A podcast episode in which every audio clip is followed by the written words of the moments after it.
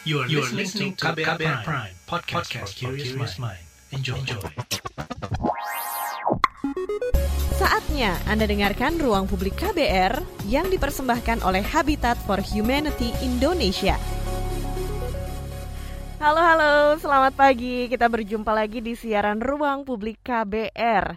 Ada saya Ines Nirmala yang akan menemani Anda dan tema pagi hari ini yang dibahas di Ruang Publik KBR adalah konser amal bangun kembali NTT dan juga siaran kali ini dipersembahkan oleh Habitat for Humanity Indonesia. Saudara tentu saja kita masih ingat pada awal April 2021 lalu badai siklon tropis Roja menghantam Nusa Tenggara Timur. Kini badai sudah berlalu tapi kehancuran masih tersisa dan ribuan keluarga di NTT kehilangan tempat tinggal. Mereka harus berjuang untuk bertahan di gubuk, tenda maupun tempat pengungsian lainnya dengan fasilitas yang sangat terbatas. Dan sejak awal terjadinya bencana tersebut, Habitat for Humanity Indonesia sudah memberikan bantuan untuk memperbaiki dan membangun rumah serta alat-alat kebersihan dan lain sebagainya. Tapi masih banyak yang dibutuhkan untuk mengembalikan tempat tinggal yang layak bagi korban bencana badai Seroja di NTT. Untuk itu, Habitat for Humanity Indonesia bersama Ananda Sukarlan akan menggalang dana melalui konser amal NTT adalah kita untuk membantu Nusa Tenggara Timur agar lebih cepat pulih.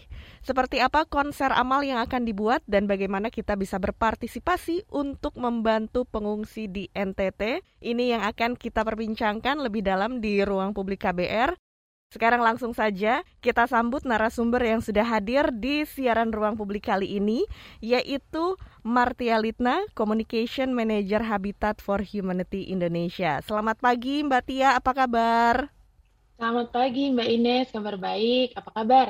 Sehat-sehat di sini dan juga Mbak Tia mudah-mudahan sehat selalu untuk ya. melanjutkan pekerjaan menggalang dana nih. Sekarang Habitat for Humanity punya program untuk membantu masyarakat di NTT yang terkena dampak badai Seroja yang pada April lalu terjadi dan ini memang merusak rumah dan banyak fasilitas umum serta membuat ribuan masyarakat harus mengungsi. Nah, ini kita langsung aja ngobrolin tentang Habitat for Humanity Indonesia yang juga sudah memberikan bantuan sejak terjadinya bencana itu dan sekarang ini juga masih terus menolong para pengungsi di sana. Seperti apa Mbak pengalaman membantu korban bencana di NTT? Bisa diceritakan? Ya, jadi kan kejadian ini kan uh, terjadi dari April yang lalu ya Mbak Ines ya. Mm. Kemudian uh, waktu itu beberapa teman dari tim Habitat juga ikut langsung datang ke lokasi gitu. Khususnya sih kita waktu itu perginya pertama kali di Pulau uh, Lembata ya, salah satu di area Nusa Tenggara Timur yang uh, terdampak cukup parah juga. Nah di situ uh, pengalaman dari teman-teman yang turun langsung di lapangan karena itu perlu menghampiri pulau itu menggunakan kapal begitu ya yeah. itu dari jauh dari kejauhan saja sudah terlihat gitu bagaimana kehancuran yang dialami oleh keluarga-keluarga di sana Mm-hmm. Jadi banyak sekali rumah dan juga uh, fasilitas yang terkait infrastruktur gitu ya yang yang rusak dan siklon uh, tropis Seroja ini tuh mengakibatkan uh, hujan lebat yang hmm. akhirnya berdampak pada banyak hal lain gitu yang ternyata kami temukan di sana jadi bukan hanya hujan lebatnya saja yang yang menyebabkan banyak masalah kemudian ya hmm. tapi ada longsor ada banjir gitu ya uh, longsor itu pada akhirnya juga membawa banyak batu-batuan gitu. Nah, pada saat kami melihat uh, hal itu, akhirnya yang perlu kami pikirkan pertama kali pada saat masuk ke dalam area bencana adalah apa yang secara uh, darurat dibutuhkan untuk keluarga-keluarga di sana dan mm-hmm. itulah yang mendorong uh, Habitat for Humanity Indonesia bersama para mitra um, mm-hmm. memberikan uh, emergency shelter kit yeah. gitu atau uh, lebih lebih kepada uh, ini ya peralatan perbaikan rumah uh, darurat begitu sehingga yeah. uh, hal ini bisa membantu keluarga-keluarga di sana untuk uh, setidaknya mulai memperbaiki kalau misalnya rumahnya masih bisa diperbaiki atau at least mereka bisa mengambil barang-barang uh, yang mungkin masih bisa membantu mereka untuk bangkit lagi nih gitu di, di masa darurat itu kayak hmm. gitu sih. Iya, jadi waktu awal terjadinya bencana Habitat for Humanity datang ke NTT dan memberikan hmm. bantuan emergency shelter kit ini untuk uh, para pengungsi supaya mereka ada shelter tempat tinggal sementara ya. Ya. Ya, kalau sekarang ini seperti apa kondisi tempat tinggal korban bencana ataupun wilayah yang didatangi oleh Habitat Humanity uh, seperti apa bisa diceritakan dan mungkin juga keluhan-keluhan dari para pengungsi ini seperti apa? Ya, jadi uh, kalau sepanjang berapa bulan ini ya dari April sampai ini Juli hampir habis gitu ya, mm -hmm. uh, memang kondisinya sangat beragam gitu. Yang paling miris itu adalah beberapa dari mereka harus mengungsi benar-benar rumahnya hilang yeah. jadi tidak bersisa sama sekali gitu mm-hmm. sehingga uh, mereka tuh harus mengungsi ke tempat-tempat lain mm-hmm. jadi mereka ada yang kalau kalau biasanya di ladang gitu ya ada yeah. pondok-pondok yang biasa mm-hmm. mereka gunakan sebagai tempat istirahat atau mm-hmm. uh, kalau di NTT tuh NTT tuh ada pondok yang di atapnya tuh biasa mereka gunakan untuk menyimpan hasil panen begitu yeah mereka akhirnya mengubah pondok itu menjadi tempat tinggal. Yang sebenarnya ya itu bukan bukan rumah ya karena dinding aja nggak ada hmm. ya kan? Kemudian nggak ada kamar tempat tidur sumber air itu semua tidak ada begitu. Dan bahkan buat mereka-mereka yang uh, tidak memiliki pondok seperti itu uh, akhirnya mereka harus membangun uh, tenda seadanya gitu dari hmm. bantuan-bantuan yang ada dan uh, mereka bertahan di situ sampai beberapa bulan gitu. Setidaknya uh, yang terakhir saya lihat misalnya uh, di Juni kemarin gitu ya, itu masih ada keluarga uh, ada lansia di situ, ada anak bayi di situ, ya kan. Kemudian ada anak-anak uh, mungkin ukuran SD, SMP hmm. dan juga orang tuanya itu tinggal bersama di dalam satu tenda yang pastinya tempat tidur tidak memadai, hmm. tempat masak tidak ada, hmm. debu karena mereka harus di pinggir jalan dan yang lainnya gitu. Itu kondisi kehidupan yang benar-benar uh, tidak layak lah ya gitu.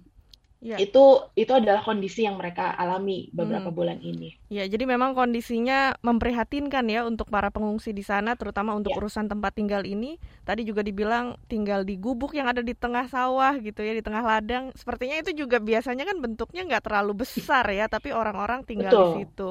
Sebelumnya masyarakat di NTT ini uh, mereka rumahnya apakah rumah tradisional atau rumah dari kayu yang terkena dampak dari badai ini seperti apa?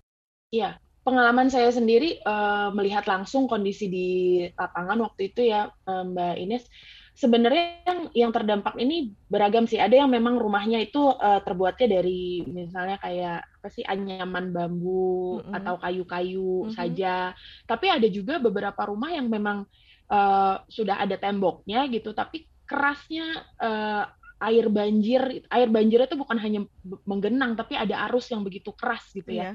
sehingga kadang itu tembok sendiri sudah tidak bisa menahan uh, air itu gitu sehingga rusak gitu bangunannya. Kemudian uh, ada juga mereka mereka-mereka yang yang saat ini uh, akhirnya ya udah rumah yang tadinya sudah reot gitu mungkin udah miring atau apa ya mereka mencari mencari apa?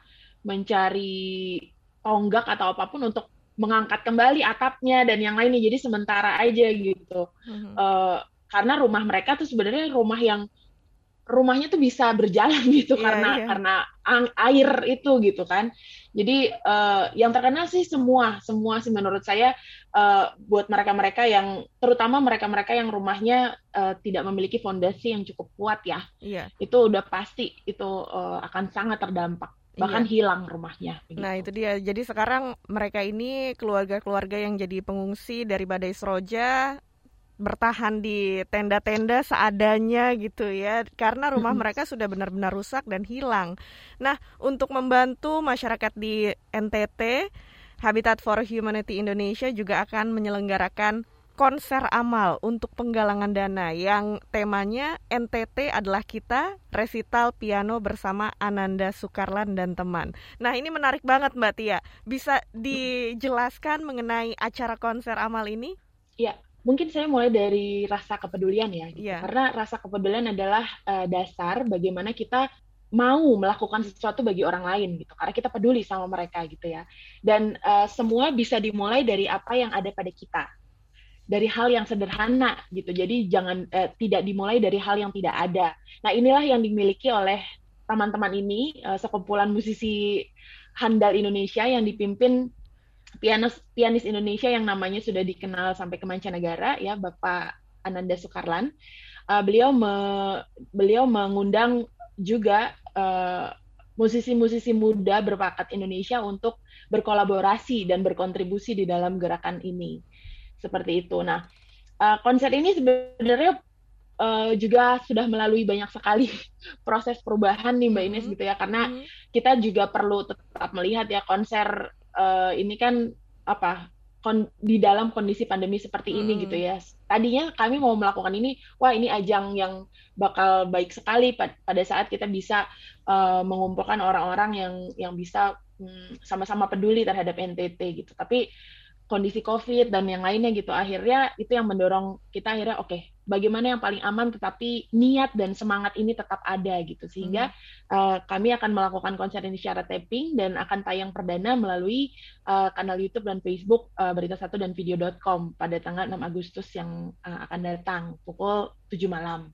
Namun kita tahu uh, di tengah pandemi seperti ini gitu, yang kesannya kita di rumah aja gitu, nggak ke mana-mana dan pergerakan kita terbatas, tapi sepertinya kesibukan kita juga nggak berkurang gitu ya Mbak Ines. Yeah. Sehingga uh, kami juga uh, memberikan kesempatan buat masyarakat Indonesia yang mungkin belum sempat menonton di tanggal 6 Agustus, tapi kita bisa uh, pergi melalui loket.com dan uh, menikmati konser ini juga berdonasi tentu saja uh, dari tanggal 7 sampai 15 Agustus melalui uh, loket.com sama sih di pukul 7 malam. Oke. Gitu. Jadi ini konsernya akan diselenggarakan secara online ya, bisa ditonton lewat YouTube atau Facebook di tanggal 6 Agustus nanti. Ya. Dan masih bisa akan disimak sampai tanggal 15 Agustus kita bisa dapetin tiketnya di loket.com gitu ya. Betul. Wah, ini Betul. menarik sekali karena juga yang akan mengisi konser amal ini adalah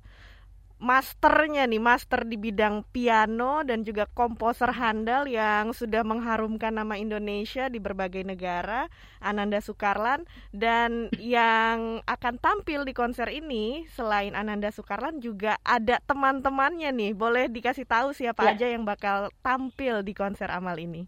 Iya, di konser Amal ini uh, Ananda Sukarlan menggait gitu ya banyak teman-teman muda hmm. yang yang mungkin uh, kita kita tidak terlalu tahu sebelumnya gitu ya siapa yeah. ya mereka tapi ternyata mereka itu punya banyak sekali uh, pencapaian mm -hmm. gitu yang luar biasa yeah. di bidangnya masing-masing gitu. Um, kita punya uh, teman-teman uh, vokalis, yeah. ada Alis Cahya Putri yang uh, dia ini adalah salah satu uh, pemenang dari uh, lomba yang dilakukan oleh Ananda Soekarlan gitu ya. Uh, Alice ini sebenarnya adalah uh, mahasiswa yang sedang mengambil studi di Hongaria. Tapi kebetulan uh, saat ini lokasi dia lagi ada hmm. di Indonesia dan uh, inilah menjadi kesempatan dia juga untuk bisa berkontribusi ya di dalam membangun kembali Indonesia khususnya NTT gitu. Jadi dia tergerak juga untuk ikut acara ini. Kemudian ya. ada Kadek Ari Ananda, uh, dia juga adalah salah satu pemenang dari uh, salah satu lomba yang diadakan oleh uh, Ananda Sukarlan dan uh, dia ini uh, memiliki apa ya semangat juga untuk uh, membantu Indonesia uh, melalui apa yang dia bisa itu adalah dengan bernyanyi dan akan menyanyikan beberapa karya yang uh, diciptakan oleh Ananda sendiri gitu. Kemudian kita ada kita nyebutnya sasandois nih. Yeah. Itu iya. juga sebenarnya hal baru ya yang saya tahu gitu. Oh, mm. pemain sasando kita bisa sebut sasandois gitu mm. ya. Ada uh, Genzer Lana. Dia adalah putra rote asli NTT gitu ya. Dan uh, menurut ceritanya dari dia juga bahwa uh, sasando sebagai alat musik tradisional uh, itu menggugah hatinya luar biasa gitu dan inilah yang mendorong dia sebagai anak muda Indonesia dan putra rote putra putra NTT mendalami itu dan kita bisa mendengarkan alunan uh, sasando nih nanti di konser ini dan tentu saja tetap ada sentuhan uh, kekiniannya ada sentuhan rasa muda di situ hmm. gitu kan kadang kita musik tradisi kok kesannya tradisional gitu ya nggak kekinian gitu tapi eh, sentuhan-sentuhan ini bisa dirasakan dari teman-teman muda ini yeah. kemudian nanti kita ada pianis juga pianis masih sangat belia gitu ya, hmm. ya Chanho Pasirua dia juga asli NTT dan uh, Chano ini uh, uh, apa masih sangat muda ya dia dia uh, dari umur tiga tahun dia sudah belajar piano klasik gitu. Mm -hmm. Jadi kita akan bisa melihat nih calon-calon penerus uh, Ananda Soekarlan dan yeah. Iya. uh, dan sebagainya. Kemudian ada lagi uh, Michael Abimanyu, uh, salah satu pianis juga yang nantinya akan memainkan uh, salah satu uh, lagu uh, dari uh, beberapa pilihan lagu uh, Ananda di karyanya Rapsodia Nusantara yang itu akan akan dia mainkan uh, di dalam konser ini begitu. Wah, luar biasa. Banyak yang akan tampil juga di acara konser Amal NTT adalah kita. Ada pianis muda, ada juga vokalis berbakat dan juga sasandois yang asli dari NTT ya. Ini sepertinya akan jadi sebuah konser yang amat sangat ditunggu-tunggu. Dan kita akan lanjutkan lagi bincang-bincang bersama Habitat for Humanity Indonesia yang membahas konser amal bangun kembali NTT. Kita akan kembali lagi ke siaran ruang publik KBR setelah yang berikut ini. Masih Anda dengarkan Ruang Publik KBR yang dipersembahkan oleh Habitat for Humanity Indonesia. Commercial break. Commercial break. Commercial break. Transfer ke sini udah, bayar ini juga udah. Ke gue udah. Heh, Allah, pertumbuhan ekonomi tuh lagi melambat, persis kayak tabungan gue. Betul banget, harus matang ngelola keuangan. Pengennya tuh investasi sesuatu gitu ya. Apa gitu yang cocok dan menguntungkan? Hmm, coba dengerin uang bicara deh. Gue belakangan lagi dengerin podcast itu di KBR Prime reksadana yang tadinya 500 juta udah turun dari 250 juta sekarang 10 ribu. Sama kita ngopi mahalan mana? Ketika itu ada keputusan yang kayak begitu investor harus tahu gitu oh ada keputusan ini berarti implikasinya apa? Orang mungkin perluas literasi kamu lewat podcast Uang Bicara. Uang Bicara menavigasi kamu dengan menghadirkan bahasan-bahasan seru dan populer mulai dari investasi sampai kebijakan. Dipersembahkan oleh KBR Prime dan bisa didengarkan di KBR Prime, Spotify, dan platform mendengarkan podcast lainnya. KBR Prime, podcast for curious mind. Masih Anda dengarkan Ruang Publik KBR yang dipersembahkan oleh Habitat for Humanity Indonesia. Kita masih di siaran Ruang Publik KBR yang dipersembahkan oleh Habitat for Humanity Indonesia dan kita membahas tema seputar konser amal bangun kembali NTT bersama Martia Litna, Communication Manager Habitat for Humanity Indonesia. Mbak Tia, kita tadi sudah membahas seputar bagaimana kondisi masyarakat di NTT yang terdampak badai seroja dan bagaimana kepedulian Habitat for Humanity bagi mereka dan kemudian mengadakan acara konser amal yang akan segera berlangsung di tanggal 6 Agustus ini. Kita akan memperbincangkan lebih banyak seputar konser amal bangun kembali NTT. Tapi sebelumnya kita angkat dulu telepon dari pendengar kita yang sudah masuk. Kita sapa ada Ariel di Bogor. Halo, selamat pagi Ariel. Halo, selamat pagi. Iya, gimana nih tertarik buat ikut menyaksikan konser ini atau ada komentar dan pertanyaan? Iya nih kayaknya tertarik untuk ikut bantu. Pengen tahu dulu keadaan NTT di sana itu kayak gimana ya? Kayak apakah distribusi bantuan di sana juga susah untuk sampai ke apa ke keluarga-keluarga situ? Apakah jadi karena kerusakan yang jadi susah atau gimana? Saya pengen tahu distribusinya. Terus ya. juga berapa lama lagi keluarga-keluarga ini bisa keluar dari tenda pengungsian ini dan balik lagi ke rumahnya masing-masing. Saya ingin tahu itu aja. Oke, terima kasih banyak Ariel di Bogor dan langsung saja ditanggapi Mbak Tia seputar uh, pertanyaan tadi seputar ya. uh, tentang distribusi yang pertama ya, distribusi bantuan mungkin.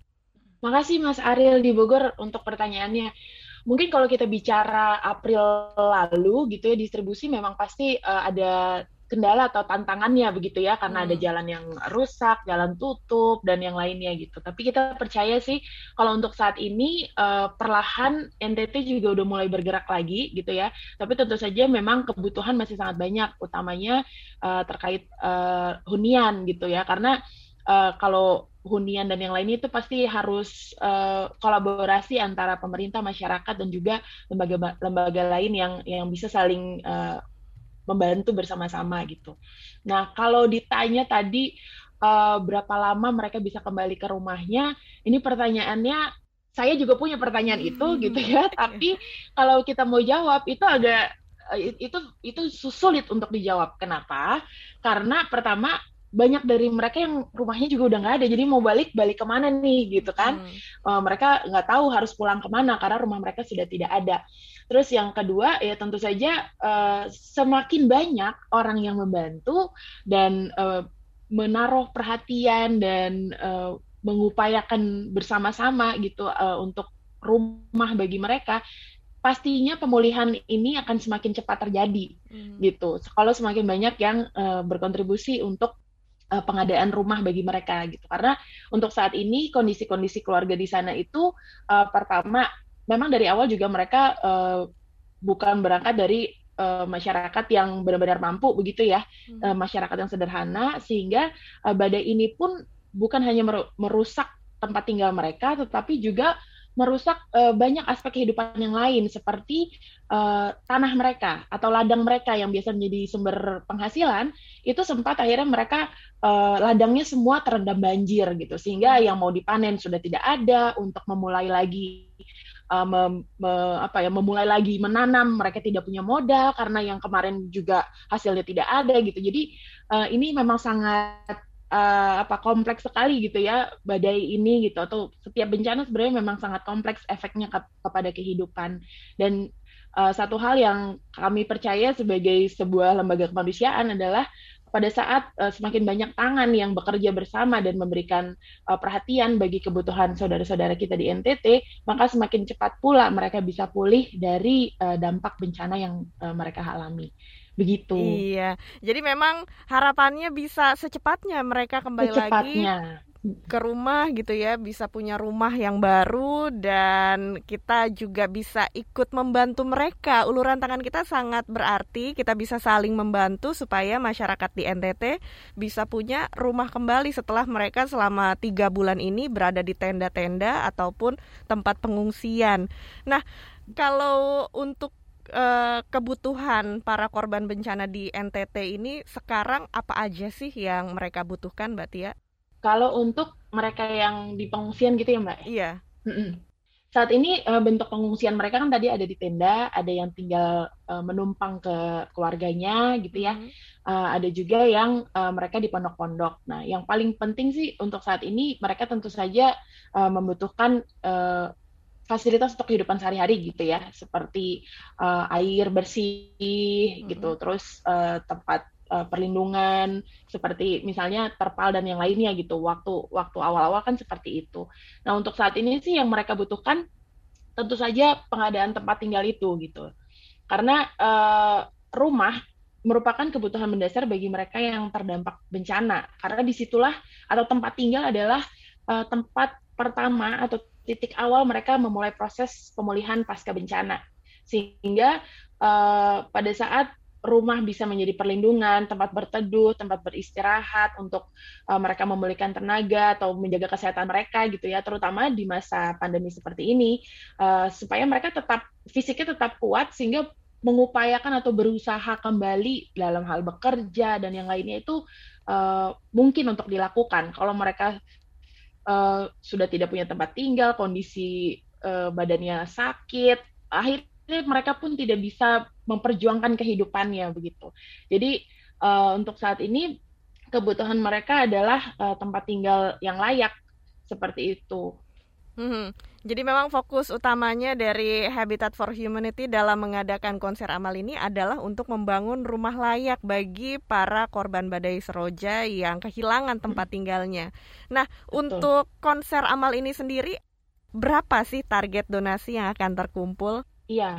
Kami berharap sebenarnya bisa membantu setidaknya di di kali ini gitu ya kita bisa sama-sama membantu uh, pembangunan 100 rumah mm-hmm. bagi 100 keluarga gitu ya di area uh, area yang kita akan uh, tuju atau kita akan bangun itu uh, di Kabupaten Kupang tepatnya di Kelurahan Oesao dan Kelurahan Naibonat.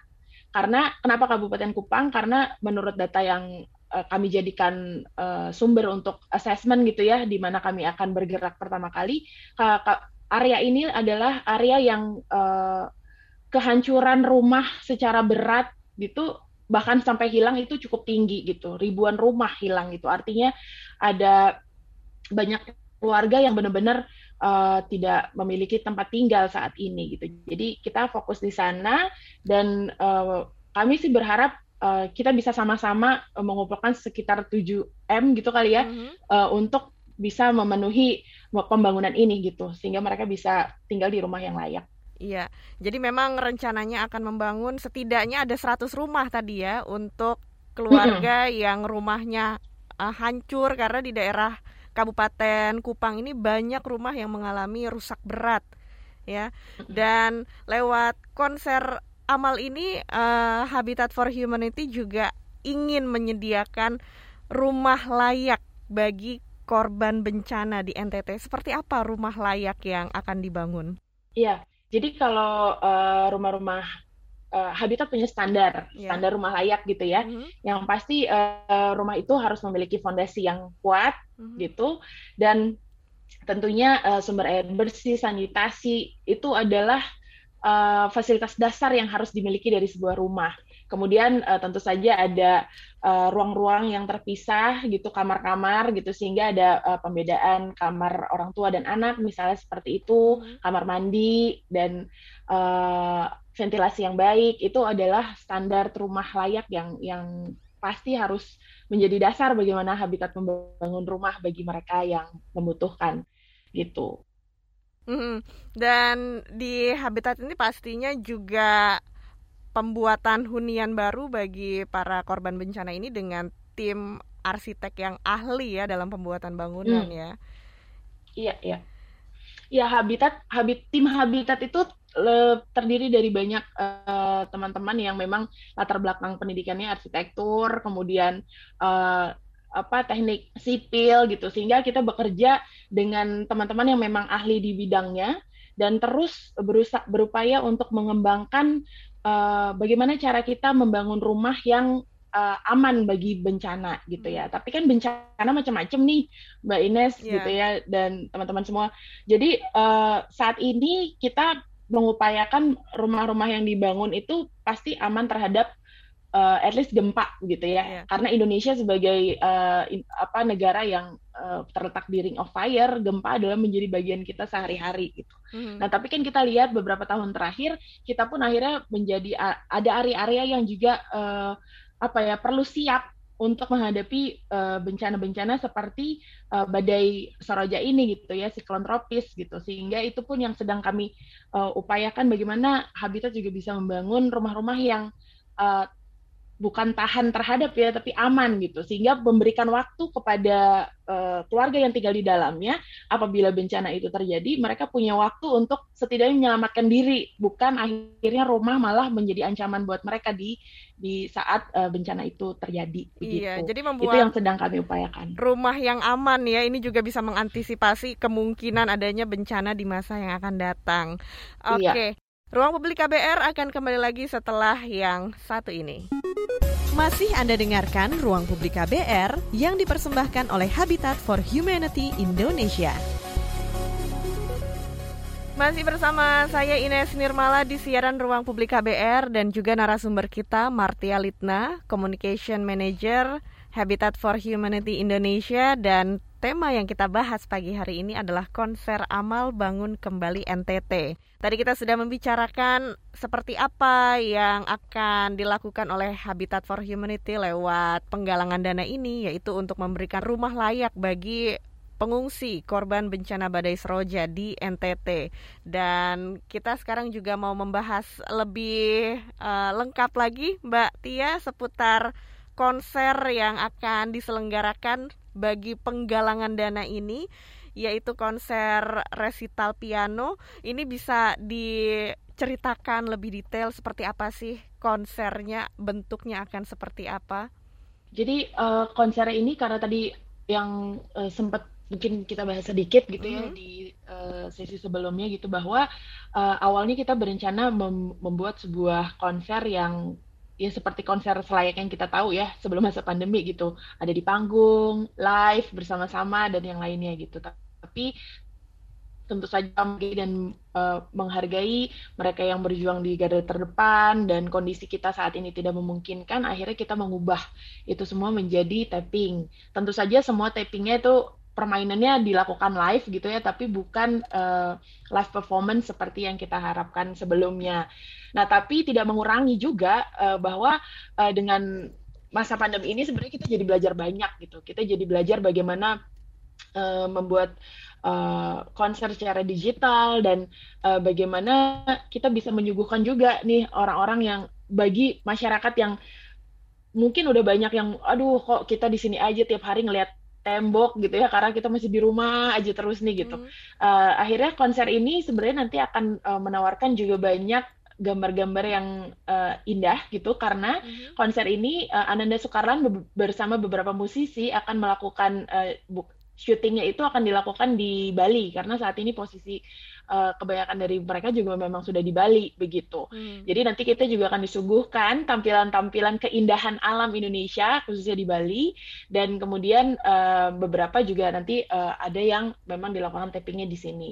Hmm. Nah kemudian di dalam konser ini juga nanti kita bisa bersama-sama melihat uh, kondisi dari teman teman-teman kita di NTT saat ini gitu kita akan uh, memperlihatkan kisah-kisah yang memang ada langsung dari NTT dan kita bisa merasakan kedekatan dan bahwa uh, ini yang menarik bahwa teknologi saat ini dapat membuat uh, setiap orang dapat menyatakan kepedulian tuh dengan lebih cepat gitu dibanding masa yang dulu sebelum teknologi itu hmm. banyak berkembang seperti sekarang ini karena untuk berdonasi uh, untuk uh, berdonasi saat ini orang tinggal ngambil handphone dan langsung buka uh, seperti untuk NTT ini ya kita langsung bisa buka kitabisa.com uh, garis miring bangun kembali NTT dan orang bisa langsung menyatakan kepeduliannya lewat situ. Mau nonton konser tinggal uh, klik loket.com uh, atau membuka YouTube berita satu dan video.com uh, orang bisa langsung uh, menikmati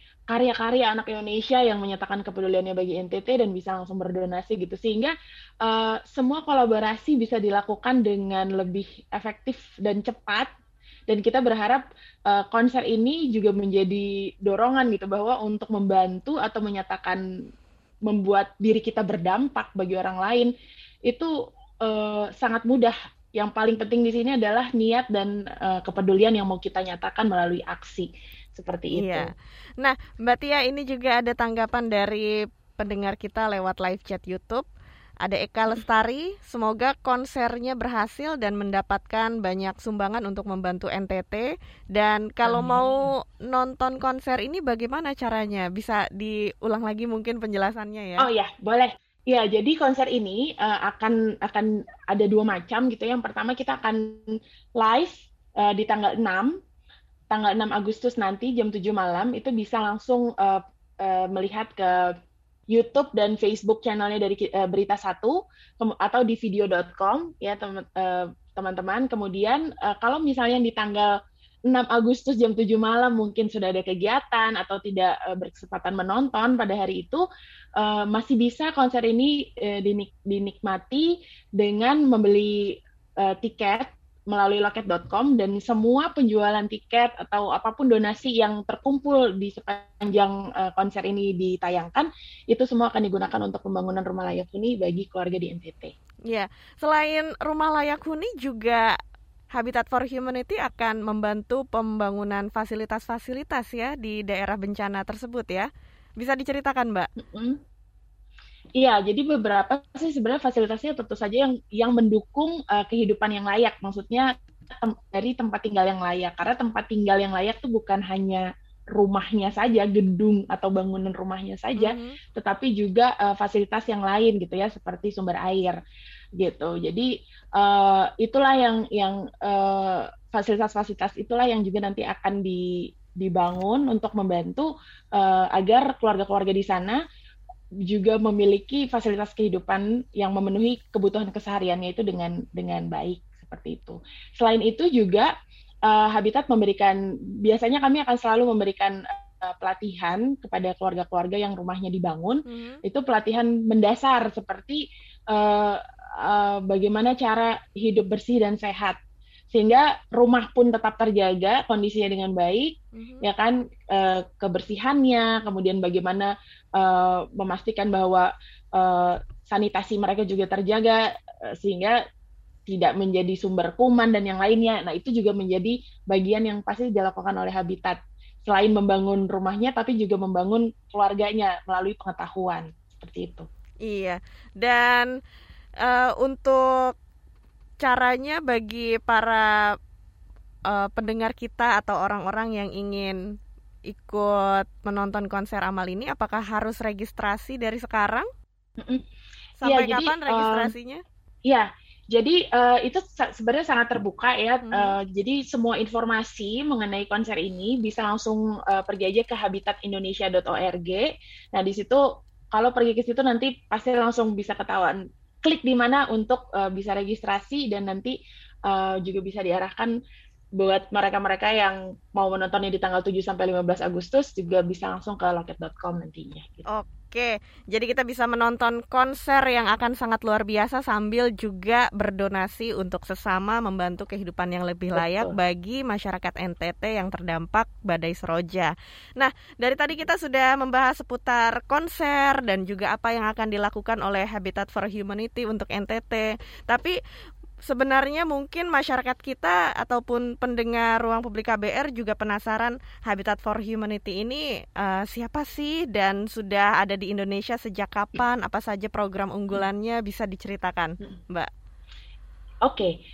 iya mungkin kita kenalan lagi ya Habitat for Humanity Indonesia uh, adalah sebuah uh, lembaga kemanusiaan yang sebenarnya saat ini kita bekerja bukan hanya di Indonesia saja, tapi juga ada di 70 negara lainnya, dan semuanya sama-sama berfokus pada tempat tinggal atau shelter gitu ya, sehingga uh, memang fokus utamanya itu sehingga apa yang kita kerjakan pasti berputar sekitar itu seperti yang tadi sudah sempat dijelaskan.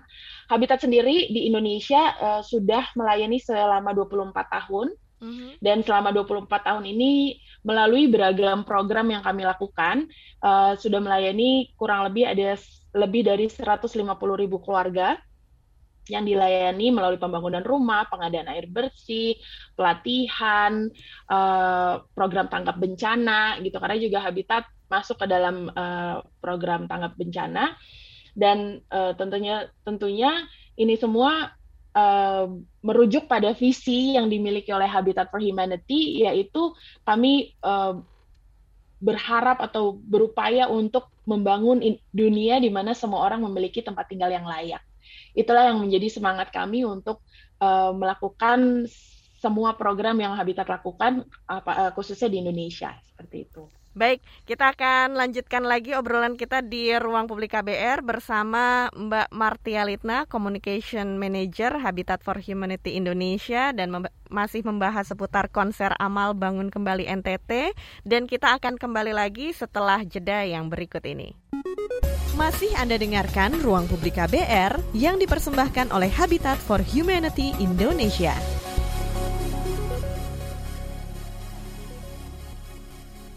Commercial break. Commercial break. Commercial break. Suatu hari, virus berkumpul dan mulai kebingungan. Duh, bingung.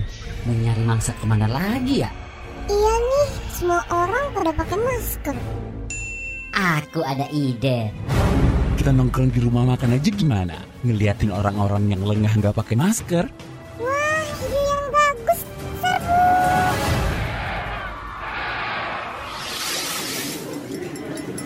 Hati-hati makan bersama saat pandemi. Sebaiknya pilih ruang terbuka, tetap jaga jarak kamu 1,5 meter jika duduk bersebelahan, 2 meter jika berhadapan. Batasi waktu makan bersama 30 menit saja dan jangan berbicara saat makan. Jika sudah selesai, gunakan kembali maskermu ya. Jangan sampai lengah, COVID masih ada. COVID masih ada. Pesan layanan masyarakat ini adalah kampanye bersama media lawan COVID-19. Masih Anda dengarkan Ruang Publik KBR yang dipersembahkan oleh Habitat for Humanity Indonesia. Kita sekarang masuk di bagian terakhir Ruang Publik KBR masih bersama saya Ines Nirmala dan bersama dengan kita Communication Manager Habitat for Humanity Martia Litna dan kita masih membahas seputar konser amal bangun kembali NTT. Untuk ikut bergabung Anda bisa mengetikkan pertanyaan atau komentar Anda lewat WhatsApp dikirim ke 0812 118 8181 atau lewat live chat YouTube dan juga siaran ruang publik nantinya bisa Anda dengarkan lagi secara utuh melalui podcast Ruang Publik di kbrprime.id. Mbak Tia, sekarang ada pertanyaan dari pendengar yang bergabung lewat live chat YouTube, yaitu Dani Setiawan. Ini untuk target dananya, jika belum tercapai, apakah ada cara lain selain konser? Dan dana yang terkumpul digunakan untuk infrastruktur atau untuk kebutuhan sehari-hari? Kalau kita kasih target kan tapi kita perlu melihat juga ya bagaimana target itu di akhir hari gitu. Nah, mm -hmm. ini pertanyaannya baik sekali nih. Nah, yang yang kita lakukan adalah tentu saja uh, mengupayakan banyak uh, cara yang lain ya karena kebutuhan ini tetap ada. Mereka orang yang butuh dibantu ini kan tetap ada gitu. Sehingga itu yang dilakukan oleh Habitat uh, adalah dengan tetap membuka kesempatan uh, masyarakat bisa berdonasi melalui kitabisa.com garis miring bangun kembali NTT sehingga uh, setiap orang masih terbuka kesempatannya untuk bisa terus uh, mengambil bagian di dalam uh, membangun kembali Nusa Tenggara Timur itu dan uh, kami juga tentu saja tetap uh, mencari lagi uh, kreativitas yang lain gitu ya untuk membuka kesempatan lebih banyak orang uh, bisa turut serta di dalam uh, aksi kemanusiaan ini begitu gitu. Iya, jadi semua orang mm -mm. bisa mendukung ya untuk pem pembangunan kembali NTT. Iya, silakan Mbak. Mm -mm. Iya, tadi kan satu uh, pertanyaan berikutnya, apakah nanti bantuannya digunakan untuk pembangunan infrastruktur atau untuk kebutuhan sehari-hari? Nah, uh, seperti yang tadi sudah disebutkan gitu ya, bahwa kita berfokus pada hunian. Jadi memang uh, dana yang akan dikumpulkan melalui konser ini uh, akan digunakan untuk pembangunan rumah layak huni sehingga uh, saudara-saudara di NTT yang saat ini masih harus mengungsi atau masih tinggal dalam kondisi yang sangat miris gitu ya mereka bisa uh, segera mendapatkan tempat tinggal yang layak memulai kembali kehidupannya dan mereka bisa uh, menata kembali kehidupan dalam kondisi yang lebih memadai begitu. Oke. Oke, nah Mbak Tia, boleh disampaikan lagi apa yang spesial dan menarik banget dari konser resital piano NTT adalah kita yang akan diselenggarakan tanggal 6 Agustus mendatang dan kenapa kita semua harus mendukung konser amal untuk NTT ini?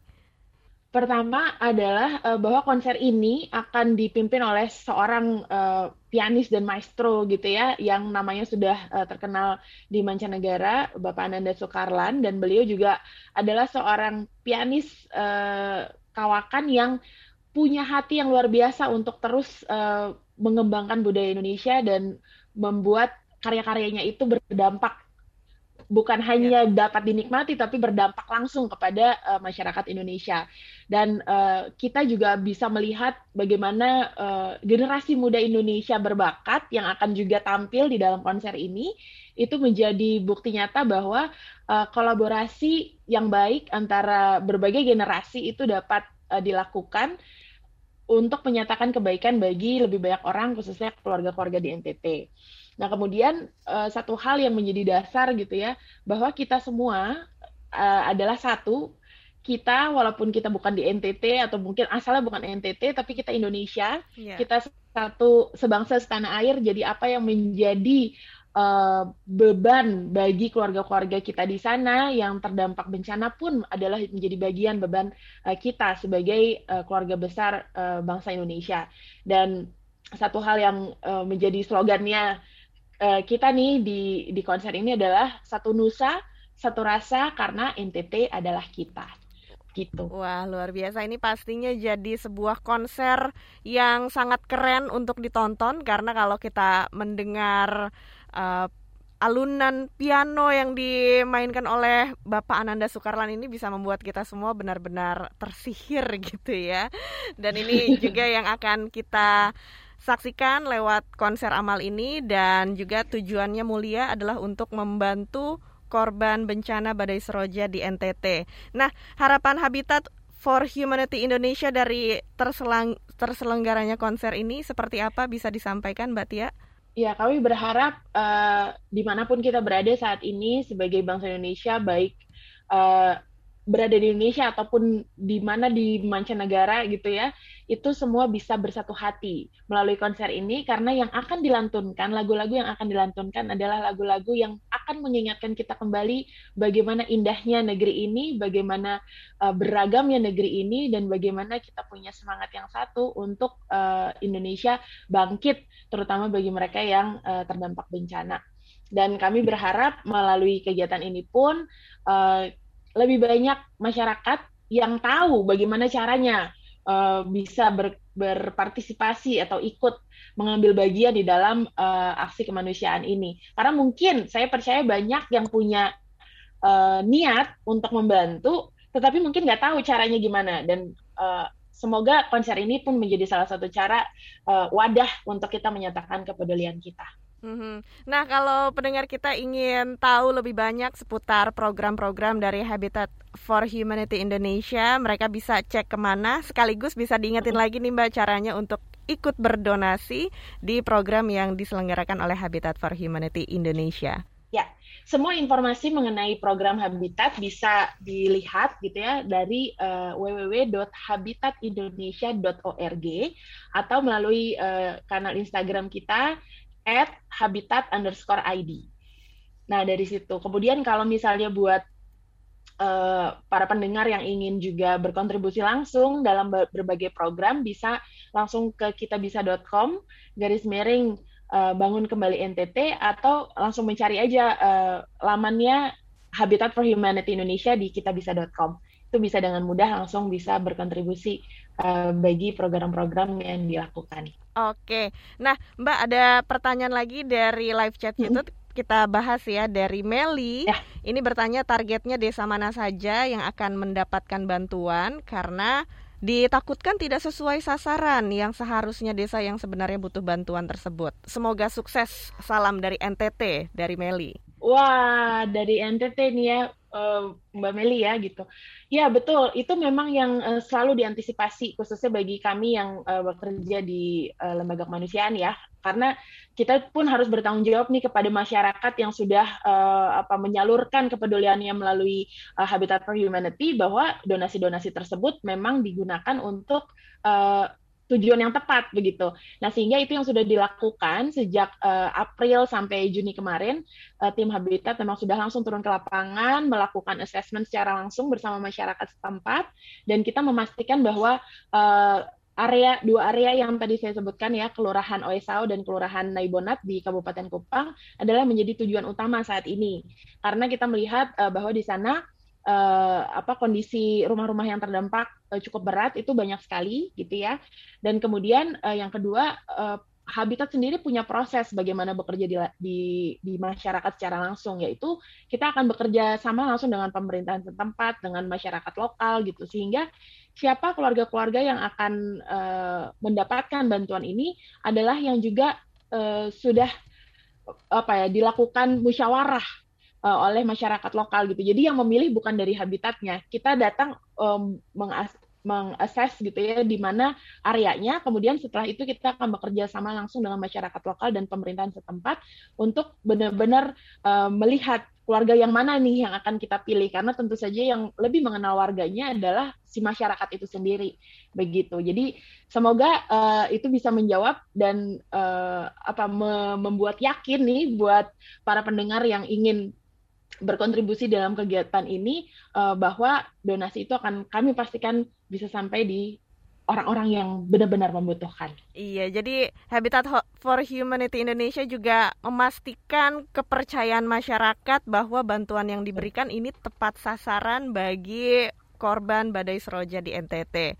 Baik, ya. Mbak Meli, terima kasih banyak sudah ngobrol-ngobrol di ruang publik KBR dan sekarang mungkin ada satu statement, closing statement yang mau disampaikan untuk menutup acara kita. Ya, untuk semua pendengar KBR di mana pun berada, uh, marilah kita semua menyatakan kepedulian kita melalui konser amal eh, NTT adalah kita karena satu nusa, satu rasa karena NTT adalah kita.